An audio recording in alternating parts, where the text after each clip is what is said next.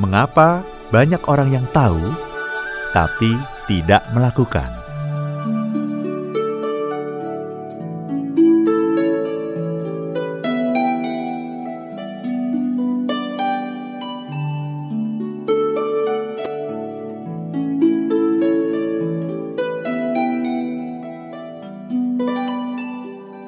Seorang bijak datang ke sebuah desa dan menetap di sana untuk memberikan pencerahan. Ketika ia berceramah, orang-orang desa berduyun-duyun datang memenuhi balai desa untuk mendengarkannya. Ceramahnya sangat menarik dan membuat orang-orang tercerahkan. Karena itu, mereka selalu tak sabar menunggu datangnya minggu-minggu berikutnya. Namun, penduduk kemudian menemukan sebuah fakta. Orang bijak ini ternyata selalu menyampaikan ceramah yang sama. Karena itu, mereka pun curiga. Jangan-jangan orang ini sebenarnya adalah seorang penipu yang hanya mengetahui satu ceramah saja tak dapat lagi menahan kesabaran. Penduduk desa kemudian beramai-ramai mendatangi orang bijak ini dan bertanya, "Bisakah Anda menyampaikan ceramah yang lain?" Ditanya demikian, orang bijak hanya tersenyum.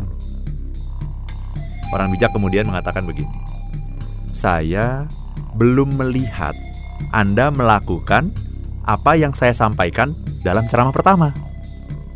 Jadi, Mengapa saya harus membebani Anda dengan hal yang lain?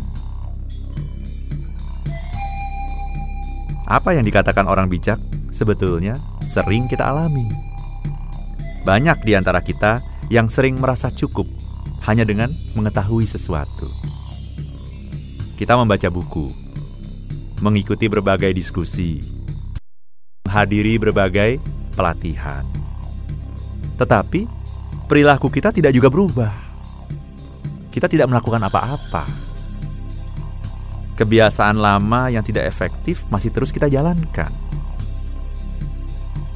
Ini tentu saja sebuah pemborosan biaya yang tidak sedikit. Ketika selesai memberikan pelatihan kepemimpinan di banyak tempat, banyak peserta yang memberikan tanggapan positif kepada saya sambil menanyakan, "Kapan kita akan melakukan pelatihan lagi, Pak?" Atau Apakah ada materi lanjutan untuk topik ini, Pak? Tentu saja, saya merasa tersanjung dengan apresiasi yang luar biasa ini. Namun diam-diam saya sering membatin sambil mengatakan bahwa sebetulnya pelatihan ini sudah cukup. Yang diperlukan sekarang adalah penerapannya. Bukankah sia-sia ketika pelatihan demi pelatihan dilakukan tanpa ada perubahan perilaku sedikit pun.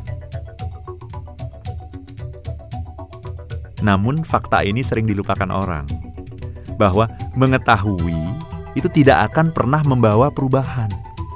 Mengetahui tidak akan mengubah nasib Anda.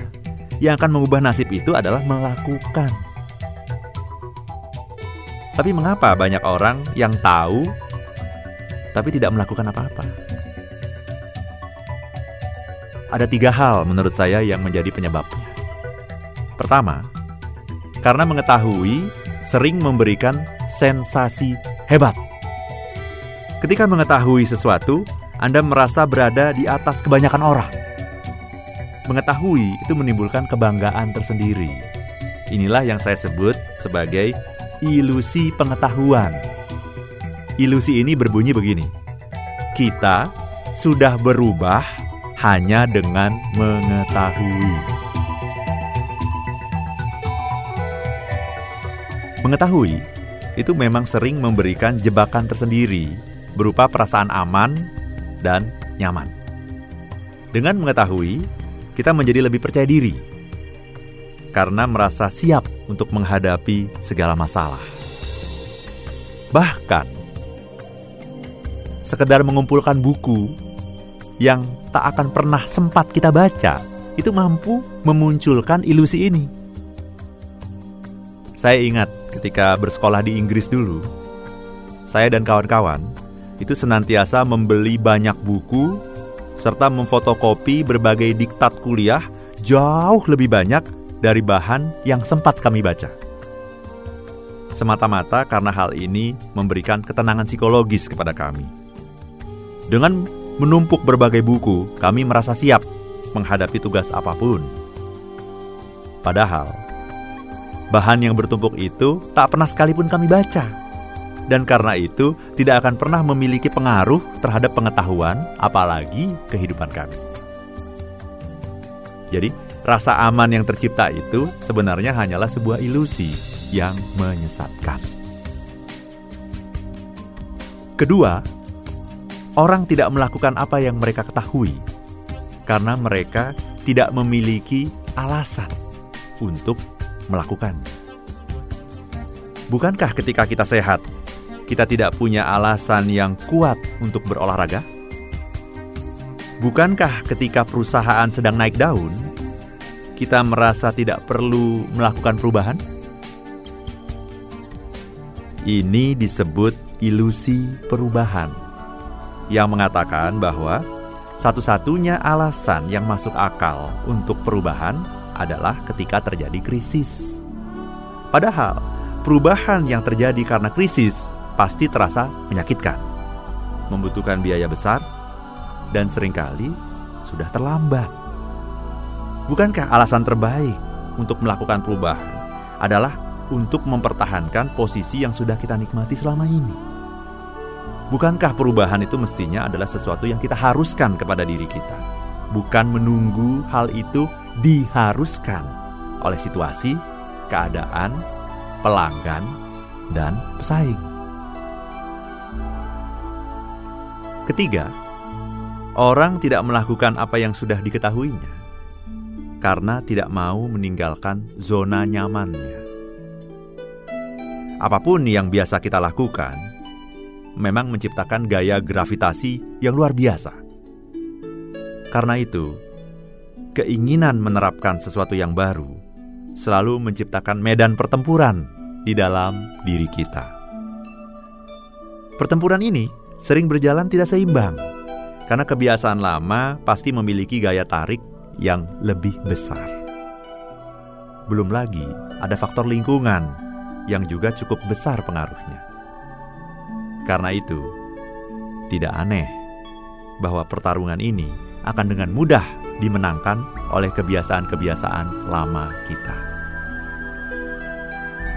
Semua pengetahuan yang tidak dimanfaatkan sebenarnya hanyalah sebuah bentuk pemborosan. Kapan Anda tahu bahwa Anda perlu menelpon seorang pelanggan? Bukan itu pertanyaannya. Mestinya, kapan Anda benar-benar menelpon dia? Kapan Anda tahu bahwa membangun jejaring itu penting bagi Anda? Bukan itu pertanyaan. Mestinya, kapan Anda mulai membangun jejaring tersebut? Kesenjangan antara kapan Anda mengetahui dan kapan Anda melakukan, itulah yang disebut dengan pemborosan waktu. Itulah definisi pemborosan waktu.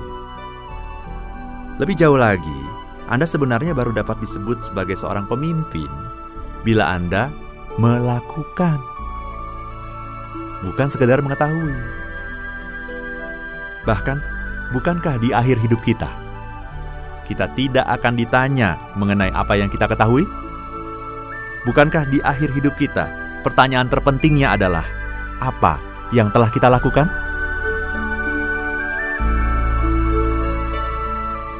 If you want to be happy, be happy now. Saya Arvan Pradiansyah.